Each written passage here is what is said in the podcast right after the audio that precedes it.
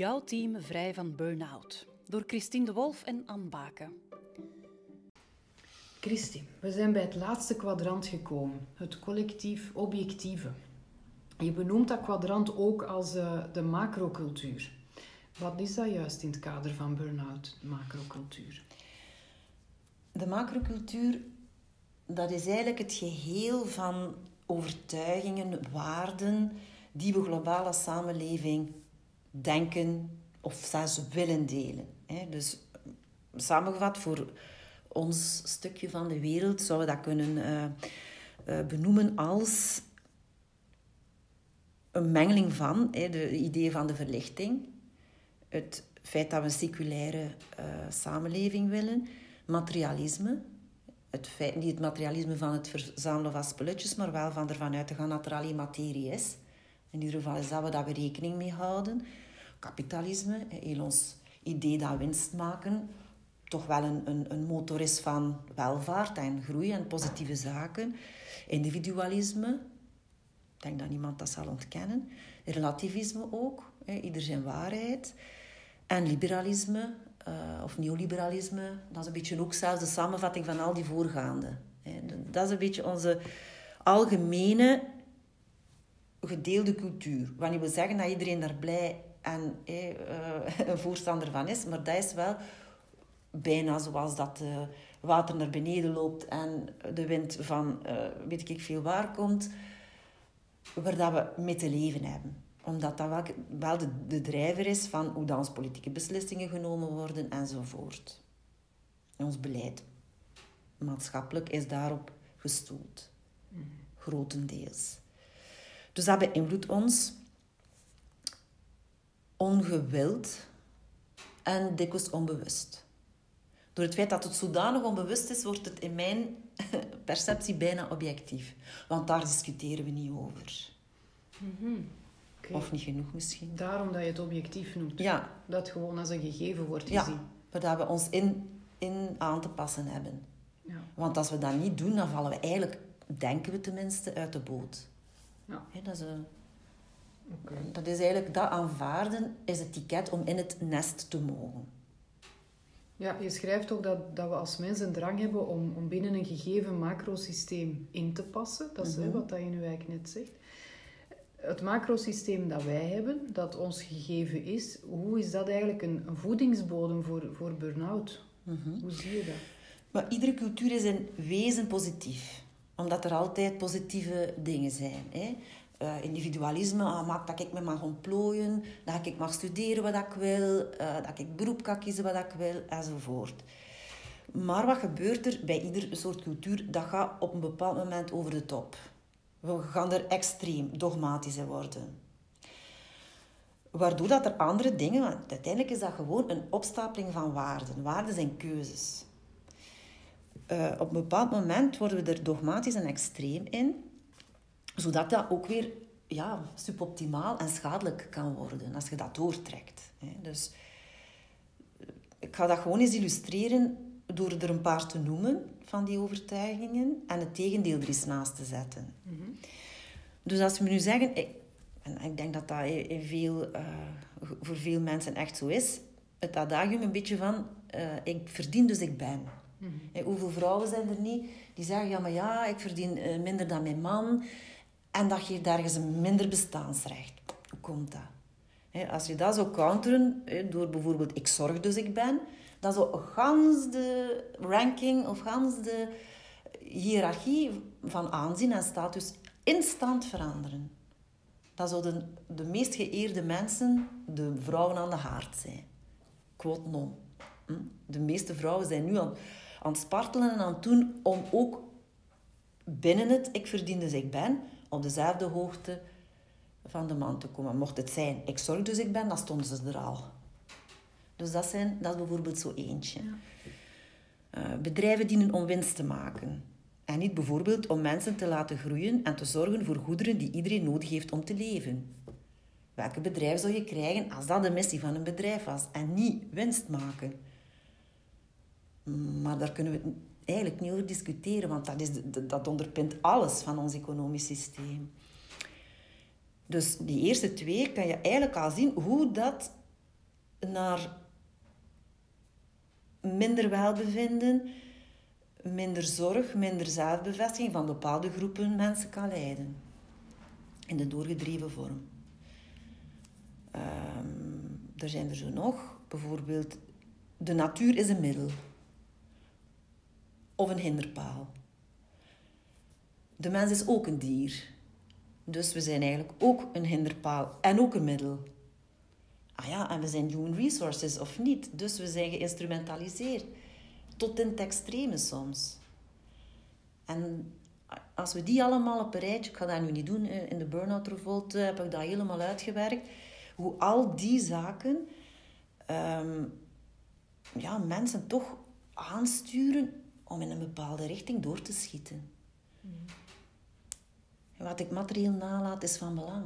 Ja, dan moeten we ons doodwerken. We moeten dat geld op die rekening hebben, want dat is wat er uiteindelijk van ons overblijft. Niet wie dat we als mens geworden zijn. Nee, nee. Wat staat er allemaal? Wat, wat laat ik na? Ik ben er wel niet geweest voor mijn kinderen, maar goed. Hè? Nu, dus dat is geen echt oordeel, niet over die waarde zelf, maar wel over het feit dat die op een bepaald moment doorschieten en echt slachtoffers maken van bij mensen die daar mogelijk niet volledig in passen. Of uh, ja, daardoor de pedalen kwijtgeraken. Mm. Om daarin mee te kunnen. En dat zorgt dan voor burn-out bij die mensen? Dat kan een deel van het verhaal zijn. Ja. Als dat een referentiekader is en ze proberen daaraan te voldoen tegen al hun eigen waarden, eigen uh, impulsen in, dat geeft dat zeker een extra spanningsveld. Ja. In feite hebben ze dan een extern referentiekader in plaats van dat ze een eigen referentiekader volgen. Dat ze misschien al lang gezegd hebben, als dat hier zo zit, ik ga dat niet meer doen. En dan zitten we eigenlijk ook terug in die individueel subjectieve beleving. Wat maakt dat ze het niet kunnen? Waarvan zij denken dan van ik voldoen niet aan bepaalde van die uh, wetmatigheden dat er zijn in ons macrosysteem, dus ik ben niet goed genoeg of weet ik veel Absoluut. Ja. ja. Dus daarin kan er een versterking komen. Ja. Iemand die op dat individueel vlak goed doorontwikkeld is, zal haar apres zeggen, zeg, nee ze, ben hier weg. Ja. dus dat, dat is die link met die rationaliteit uiteraard ook wel. Maar iemand die, die die onzekerheid heeft, die, die is gewoon een open boek voor dat extern referentiekader. En, loopt zich dood om, om daarin te passen. En dan zitten we daar natuurlijk met de likes en, en er succesvol uitzien. En, en dat is waarom dan natuurlijk in de media, ook heel, dat, uh, heel de sociale media, mee op de, aan de schandpaal gaan als het gaat over burn-out uiteraard. Mm omdat dat natuurlijk de extrapolatie is van heel die, die macrocultuur op zijn lelijkst. Ja, snap ik. Ehm, de zachte sector, de zorgsector, zeker nu, alles wat dat er nu ook gebeurt tijdens de pandemie. De pandemie die heeft het, denk ik, sowieso ook wel erg moeilijk in, in de macrocultuur. U beschrijft dat ook, de macrocultuur die dat wij hebben. Waar, waar raad je hen eigenlijk aan? Want zij staan zo vanuit hun waarden haaks op wat dat de macrocultuur aangeeft? Rebellie, nee. Een beetje, een beetje uh, ja, haalbaar formuleren. Wat dat we observeren is, je hebt de macrocultuur waarbij dat succes, het materiële belangrijk is. Natuurlijk iemand die een, een zorgberoep kiest in de brede zin. Dat kan zijn van, ik zit bij een openbaar bestuur, ik ben leerkracht. Uh, dus de, pure zorg dan, de, de medische zorgverlening enzovoort, die hebben eh, van nature uit eigenlijk al wel waarden die er een beetje haaks op staan. Dus die komen sowieso een beetje in een spagaat terecht. De maatschappij vindt dat niet zo belangrijk, ziet hen als een kostenpost en dus als iets dat moet gecontroleerd worden. Dus de positieve intentie van die mensen wordt ook al niet erkend.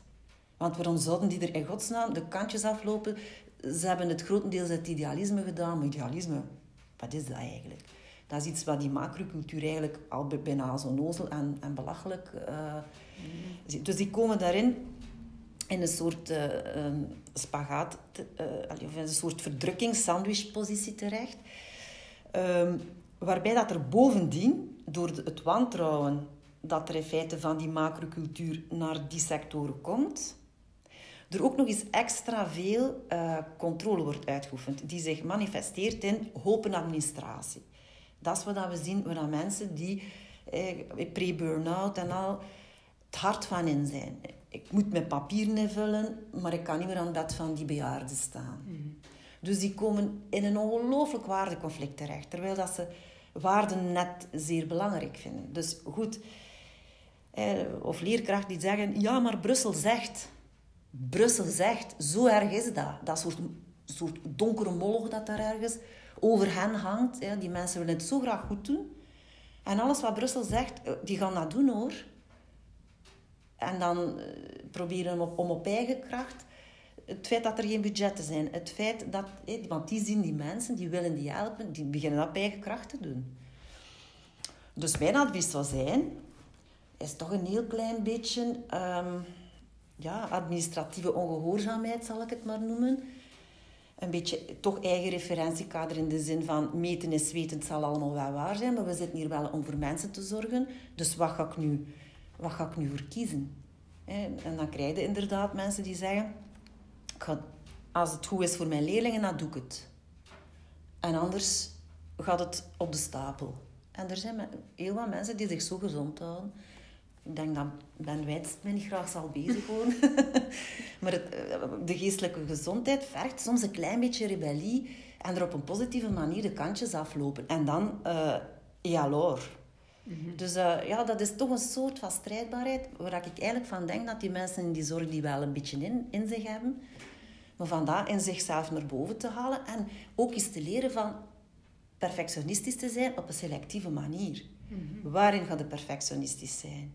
Soms is het zo erg dat er een, een, directrice van een school mij zegt, maar ik zeg het altijd maar tegen mijn leerkrachten, dat twee bullet points genoeg zijn en ik krijg nog twee bladzijden verslag. Zij is selectief in uw perfectionisme. Waar gaat, het, waar gaat uw waarde neerleggen? En de rest, zo kort mogelijk. Als je natuurlijk denkt dat dat verslag goed is voor die leerling, kun je daar misschien op een waardige manier energie steken. Maar als jij zelf al denkt, waarom moet ik dit doen? Ja. Um, Christine, ik hoor u praten over selectief perfectionisme. Fantastische term. Ik denk dat ik daar zelf ook nog veel van te leren heb. Je geeft aan dat bijvoorbeeld in een school leerkrachten toch nog te grote administratieve verslagen gaan schrijven, ook al geeft hun directie aan van twee bullet points is genoeg. Nu, wat maakt dat? Ondanks het feit dat die directrice bijvoorbeeld aangeeft van twee bullet points is genoeg, dat een leerkracht toch nog zo'n uitgebreid verslag gaat schrijven. Jij hebt ook waarschijnlijk al wel coachings gedaan uh, en het hoofd gezeten van leerkrachten. Wat drijft hen om dat toch te doen? Mm wel, eigenlijk eh, ligt daar wel een belangrijke link naar terug het uh, subjectieve, individuele niveau. Mm. van de, de, de, de perceptie van de waarheid. Dat zijn eigenlijk mensen die op een of andere manier een filter hebben. Dat die zelfs als ze in de realiteit het niet gevraagd wordt, een zodanige indoctrinatie hebben over het is nooit goed genoeg uh, en ik kan toch maar beter zeker zijn of welke onderliggende dingen dat er dan ook spelen, dat ze zelfs als de, de baas zegt, doe het niet, dat ze het toch nog gaan doen.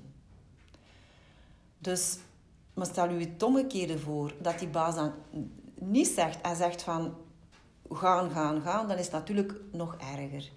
Maar er zijn, op het moment dat je dat dus ziet, ik, ik zeg u dat je het niet meer doet, wat maakt nu dat je het toch nog doet? Dan is dat meestal iets van vroeger ergens een zware imprint dat de gezagsfiguur onbetrouwbaar is en dat hij uh, eerst wel zal zeggen dat het niet moet en dat dan de rekening wel zal komen. Dus daar is zeker iets te doen dan, bij een aantal mensen. En wat raad je dan aan om te doen? Ja, zachtjes aan, hè, wat ik in, in het tweede hoofdstuk bespreek, zachtjes aan, toch is een therapie. Want dat is niet normaal. Op het moment dat je eigen leidinggevende zegt dat het niet nodig is, het toch nog doen en er dan onder doorgaan. Als ik er niet onder doorgaat, dan kunnen we misschien in, in de, de gezonde vorm van perfectionisme zitten. Maar dat zijn even goed mensen die zeggen, ik verga van het werk, het is, het is van s morgens tot s avonds, ik zit tot 12 uur op mijn computer. Um, terwijl het dan niet eens gevraagd wordt. Dus eh, om terug te komen op dat selectief uh, perfectionisme. Eigenlijk is dat een beetje ontleend aan, wat dat kunstenaars doen. aan de ene kant zijn die enorm gefocust op, op de kwaliteit van hun werk, met engelen geduld. En, dat, en als het niet goed is, is het in de allee, extreme om, om, om hele mooie prestaties neer te zetten.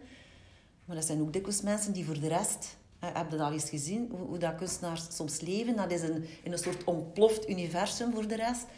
Uh, of, of de, de, rest zien ze zelfs niet. Omdat ze de focus hebben op dat één ding dat ze goed willen doen. En daar halen ze het plezier uit.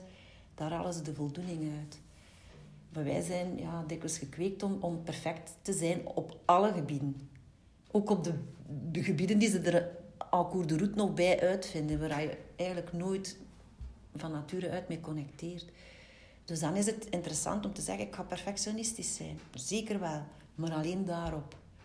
Alleen op bijvoorbeeld mijn performance in de klas. Alleen op mijn interactie met mijn patiënt. En de rest, hè, het hoogst nodige. Heel veel mensen die dat kunnen, halen terug meer plezier uit wat dat ze graag doen. En voelen zich niet meer schuldig over dat andere stuk dat ze niet doen. Mm.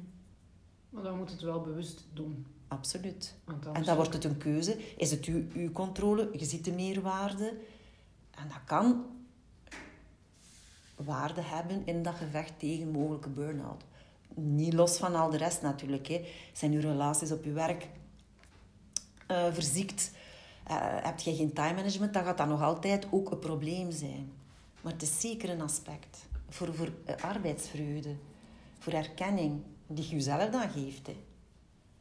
Als je moet zitten wachten wanneer dat Brussel gaat zeggen dat je verslag schoon was. Mm. Dus dat is eigenlijk de waarde van dat selectief perfectionisme. Boeiend. In dit laatste kwadrant, dus het objectief-collectieve, hoe ziet de ideale leider er volgens jou uit dan? Waar, waar let hij op? Wat moet hij kunnen? Ja, dus het zal degene die het e-book lezen opvallen dat er in dit hoofdstuk geen tips zijn. Omdat het echt een attitude, uh, een zaak van attitude is. Het is ook niet... Het is ook iets dat voortschrijdt. Het is niet... Nee, nu, nu, time management bijvoorbeeld, ja oké, dat heeft zijn regels, kun je leren en zo. Terwijl dat de, de houding om te leven vanuit eigen waarden, vanuit een referentiekader of, of werkelijk uh, ermee bezig te zijn om hoe evenwicht te vinden tussen die eigen innerlijke waarden en al de druk en waarden die opgelegd zijn. Dat is eigenlijk... Um, daarin is een goede leider iemand die het voorbeeld geeft van de moed te hebben om dit te proberen te doen. Dus dat gaat echt over zijn eigen persoonlijke ontwikkeling. En moet die dan eh, volledig uitontwikkeld zijn, dan zouden we allemaal de Dalai Lama als baas hebben. Dat is natuurlijk ook niet zo. Maar wat er inspirerend is, is om een, een, een chef te hebben die, die je dat ziet proberen. Mhm. Die je ziet de moed te hebben om naar de baas boven hem te gaan om te zeggen... Nee. Of die bijvoorbeeld zegt, kijk, we gaan dat zo en zo doen. En de bui, die pak ik wel, bijvoorbeeld.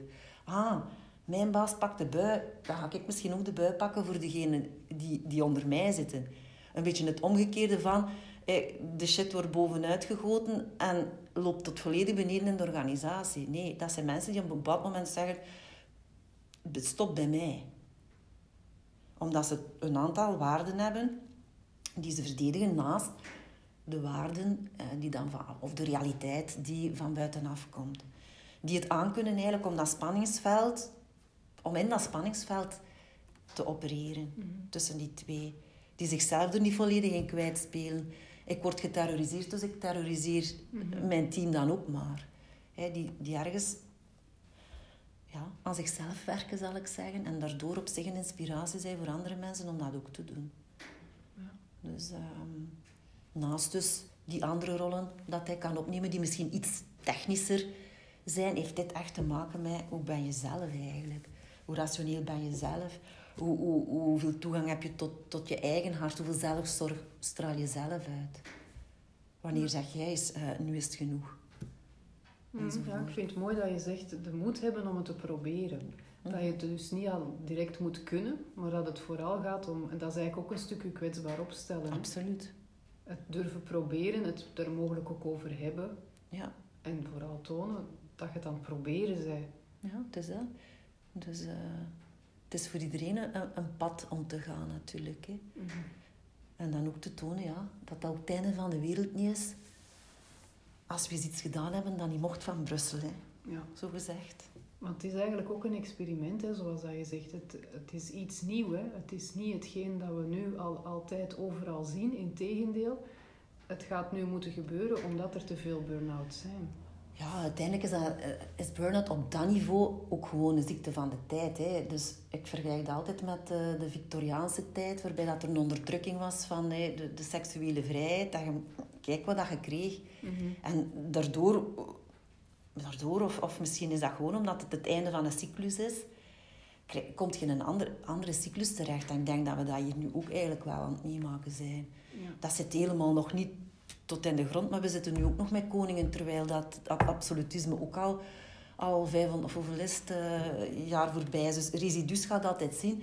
Maar door de, de arbeid en de inspanning van een heel aantal mensen, leidinggevenden op alle niveaus, krijg je wel een soort basisshift in, in uw waardesysteem. En dan kunnen we zien dat dat al bezig is. Dus het is ook wel een, goede, een goed moment om te zeggen, ik ga er nu eens aan beginnen. Ik denk als je dat 100 jaar geleden, ja, ik zou het liever nu doen. En misschien zelfs binnen 30 jaar nog liever, maar goed. Ja. Omdat je dan mee in een stroom komt die eigenlijk ja, omhoog gaat. Dat is wel een hart onder de riem dat je geeft. Dat verandering wel mogelijk is door terug te kijken in de geschiedenis. Er mhm. zijn al heel veel dingen gelukkig veranderd. Absoluut. En dat je als leidinggevende daar ook deel van kan uitmaken nu. Door te durven experimenteren en door die moed te hebben. Absoluut. Ja. Mooi.